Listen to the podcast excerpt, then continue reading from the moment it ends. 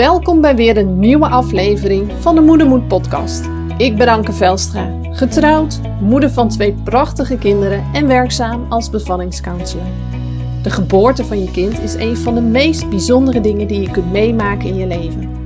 Een ervaring die je leven voorgoed verandert en je hele leven zal bijblijven.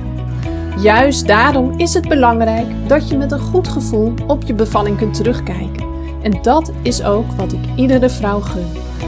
Helaas is bevallen niet voor alle vrouwen één grote roze wolk. En als er één ding is wat deze vrouwen met elkaar gemeen hebben, dan is dat dat ze zich enorm eenzaam voelen in hun ervaring. Met de Moedermoed podcast wil ik voor deze vrouwen een plek van herkenning creëren door het delen van verhalen van moedige moeders over bevallingen die anders liepen dan verwacht. Expert-interviews en tips en inzichten vanuit mijn werk als bevallingscounselor en als ervaringsdeskundige. Ik wens je veel luisterplezier, herkenning en mooie inzichten toe.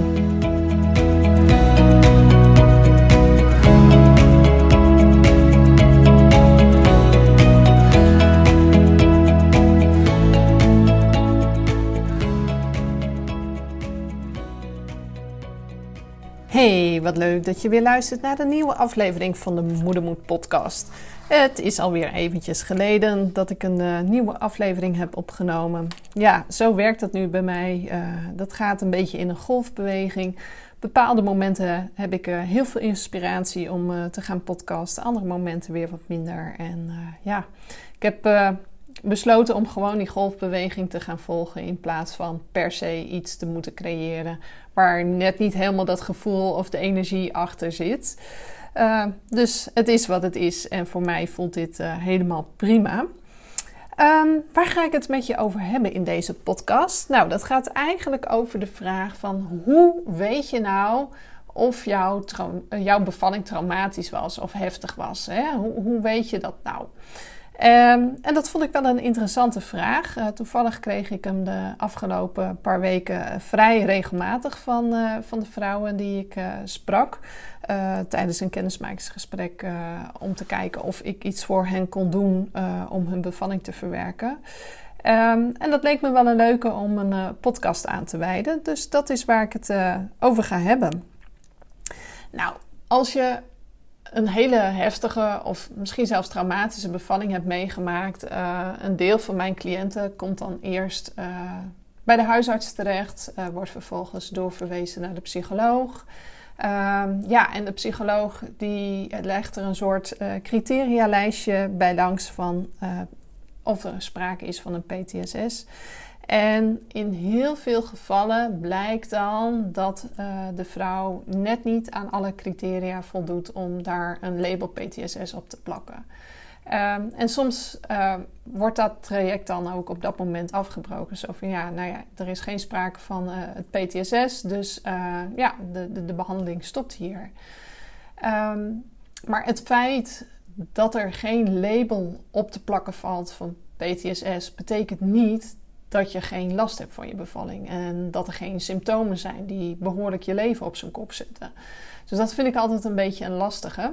Daar, dat is ook een van de redenen waarom ik niet diagnosticeer. Want uh, er wel of geen label op plakken zegt niks over hoe, uh, hoe het voor jou is uh, hè, en hoe het jouw leven beïnvloedt.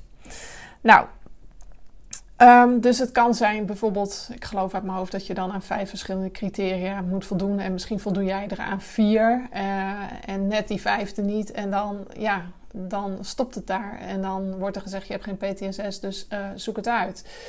Maar ja, goed, die vier andere criteria, die, uh, die, nou, die rommelen ondertussen wel op de achtergrond door. Um, en om deze vraag te beantwoorden van hoe weet je nou of een bevalling heftig is of niet, uh, dat gaat eigenlijk heel erg over jouw gevoel.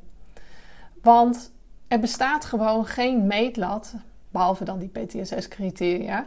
Eh, en oh ja, dat had ik nog niet gezegd. PTSS staat voor posttraumatisch stresssyndroom. Dat is uh, nou ja, iets waar je last van kunt krijgen als je iets heel traumatisch hebt meegemaakt. Um, maar los van, van die criteria uh, bestaat niet een soort meetlat waar je jouw bevalling langs kunt leggen. En waarvan je kunt zeggen van, oh, Uh, ja, ja, jouw bevalling was echt wel heftig of traumatisch en jouw bevalling echt niet. Ik heb zelfs vrouwen die op papier een bevalling volgens een boekje hebben gehad en toch heel heftig terugkijken op hun bevalling. Ik heb vrouwen gehad die een bevalling van 2,5 uur hebben gehad en toch heel heftig terugkijken op de ervaring. Omgekeerd ook.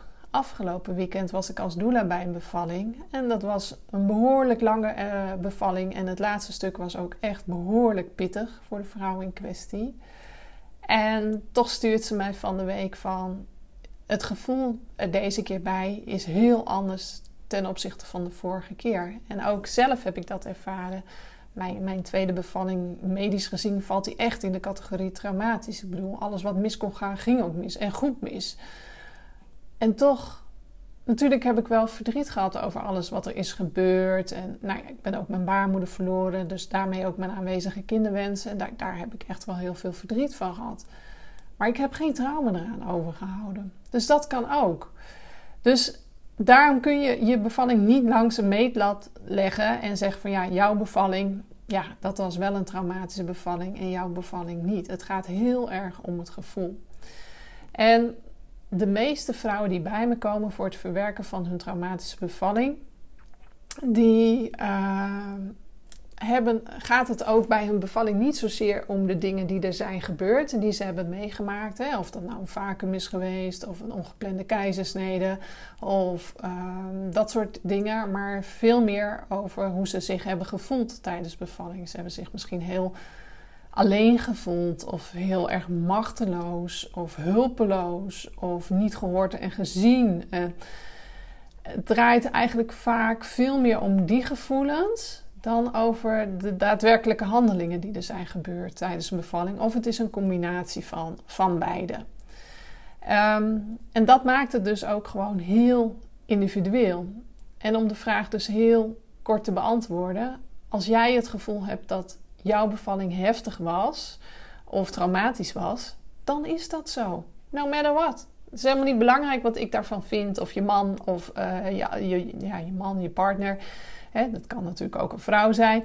Ehm, je familie, je vrienden. Het is helemaal niet belangrijk. Het gaat om jou. Want er is maar één iemand die het zo heeft meegemaakt zoals jij het meegemaakt. En dat ben jij. Ik bedoel, de rest heeft allemaal niet in jouw schoenen gestaan. Die heeft het allemaal niet moeten ondergaan. Die heeft niet in die positie gezeten. Dus voor hen, vanuit een ander perspectief, is het altijd anders geweest dan voor jou. Dus het draait echt zo om jouw gevoel. En als jouw gevoel erbij niet goed is, als het niet klopt, als je nog steeds elke dag eraan terugdenkt, als het zich te pas en te onpas aan je opdringt, dat je telkens beelden voor je ziet, dat je verdrietig bent, uh, dat je je blijft afvragen, ja maar wat als, of had ik maar. Dat zijn allemaal signalen dat het gewoon nog niet lekker gaat met de verwerking. Hè? En ons lichaam heeft zelf een enorm zelfherstellend vermogen. Dat is echt fantastisch. En daarom zeg ik ook altijd tegen mijn cliënten als ik ze spreek tijdens een kennismakingsgesprek. En ze zijn heel snel na hun bevalling van joh, geef het eerst zes tot acht weken de tijd. geef je lijf, geef je brein de tijd om dit zelf een plek te geven. Dat is dat fantastische zelfherstellend vermogen. Maar soms gaat dat gewoon niet. Soms heb je daar gewoon een, een stukje hulp bij nodig. En dat kan. En dat is volkomen oké. Weet je, het, definieert jou niet als persoon. Jij blijft nog steeds de persoon die je bent. Je hebt alleen iets meegemaakt wat voor jou ontzettend heftig was. En wat jouw brein op dat moment gewoon niet helemaal kon bevatten. Jouw brein heeft het gewoon opgeslagen als een soort grove brokstukken. En het blijft een beetje ja, hangen in je brein, zeg maar. Het wordt niet goed weggeschreven naar het lange termijn geheugen, eh, waardoor het gewoon voortdurend opnieuw getriggerd wordt met alle gevoelens en emoties die daarbij horen. En hoe mooi is het als je een stukje hulp daarbij kan krijgen om je brein te helpen om het alsnog goed te verwerken. Nou, goed. Je snapt de, eh, de vraag wel, je snapt mijn antwoord denk ik ook wel op deze vraag. Ehm, wat kun je nu doen? Als je voor jezelf, als je even intuned bij jezelf en je voelt van, nou, hoe kijk ik nou echt terug op die bevalling? Ik hoef het niet te vergelijken met andere heftige situaties uit mijn leven of met anderen die misschien een bevalling hebben meegemaakt die in jouw ogen tien keer erger was dan die van jou. Als je dat nou allemaal loslaat, wat voel je dan? En als het voor jou heftig was of traumatisch en je twijfelt nog, weet je dat ik op mijn website een checklist heb staan die je gratis kunt downloaden. Op deze checklist staan, nou, ik geloof uit mijn hoofd, zo'n 38 verschillende symptomen waar je last van kunt hebben als je uh, uh, ja, een heftige of traumatische bevalling hebt meegemaakt. Deze symptomen geven je een beetje een indicatie van waar sta ik nu eigenlijk en in hoeverre beïnvloedt deze ervaring mijn hele leven nog. Nou, als je op mijn website even je naam en je e-mailadres achterlaat, dan komt deze checklist naar je toe. En dan kun je gewoon voor jezelf eens even invullen en kijken waar sta ik. En ik heb er ook een globale score onder gezet. Hè. Het is geen uh, medisch diagnostisch middel, maar het is puur een, een soort richtlijn om jezelf een beetje in te kunnen schatten van ja, waar sta ik nu en in hoeverre beïnvloedt dit mijn leven nu nog. Dus dat is één ding. Als je dat nog niet hebt gedaan, uh, doe dat. En een tweede ding, stel nou dat er toch wel aardig wat symptomen uit die checklist komen, maar dat je echt zoiets hebt van, nou, ik weet het niet, ik twijfel, moet ik er nou wat mee? Uh, ben jij misschien de juiste persoon om me verder te helpen of niet? Tweede optie die je hebt is dat je via mijn website een gratis kennismakingsgesprek kunt aanvragen. Dat kan telefonisch, dat kan online via Zoom. Mensen die in de buurt komen, die laat ik ook wel eens gewoon even langskomen. Zo'n gesprek duurt ongeveer een half uurtje. En tijdens zo'n gesprek kan ik een stukje van je verhaal beluisteren, maar kan ik ook een aantal verdiepende vragen stellen die nog meer inzicht geven. En uh, op basis daarvan kan ik een hele goede inschatting maken of dit jou verder gaat helpen of niet. En na zo'n gesprek ben je niks verplicht. Daarom is het ook vrijblijvend. Ik vraag je helemaal niet om direct een keuze te maken. Het is volkomen oké als je zegt, nou, ik wil er nog even over nadenken, ik wil nog even voelen, ik wil het nog even met mijn partner overleggen. Is allemaal oké. Maar ja, ik zou zeggen, doe het. Maak van deze mogelijkheid gebruik. Uh, want dan weet je ook gewoon echt zeker waar je staat. En ja, ook vanuit eigen ervaring kan ik zeggen dat alles rondom het moederschap, maar ook over jezelf, je zelfvertrouwen, hoe je in, vel, in je vel zit na de bevalling, dat wordt zoveel beter op het moment dat je gewoon je trauma opruimt. En misschien gaat het niet naar een, een 100%. Hè? Ik bedoel, je hebt het allemaal wel meegemaakt. Maar als je gewoon die scherpe kantjes eraf kunt krijgen, zodat het je niet je hele dag beïnvloedt, dat zou al zo'n ontzettende winst zijn. En dat kan gewoon. Je weet nu wat er mogelijk is. Um, je weet ook wat ik heb gezegd in deze podcast. Um, je, er is geen meetlat, dus het gaat heel erg om jouw gevoel. En als jouw gevoel gewoon niet goed is bij hoe de bevalling is verlopen, dat je het je nog steeds heel erg beïnvloedt, dan is dat wel een duidelijk signaal dat je daar nog iets mee mag.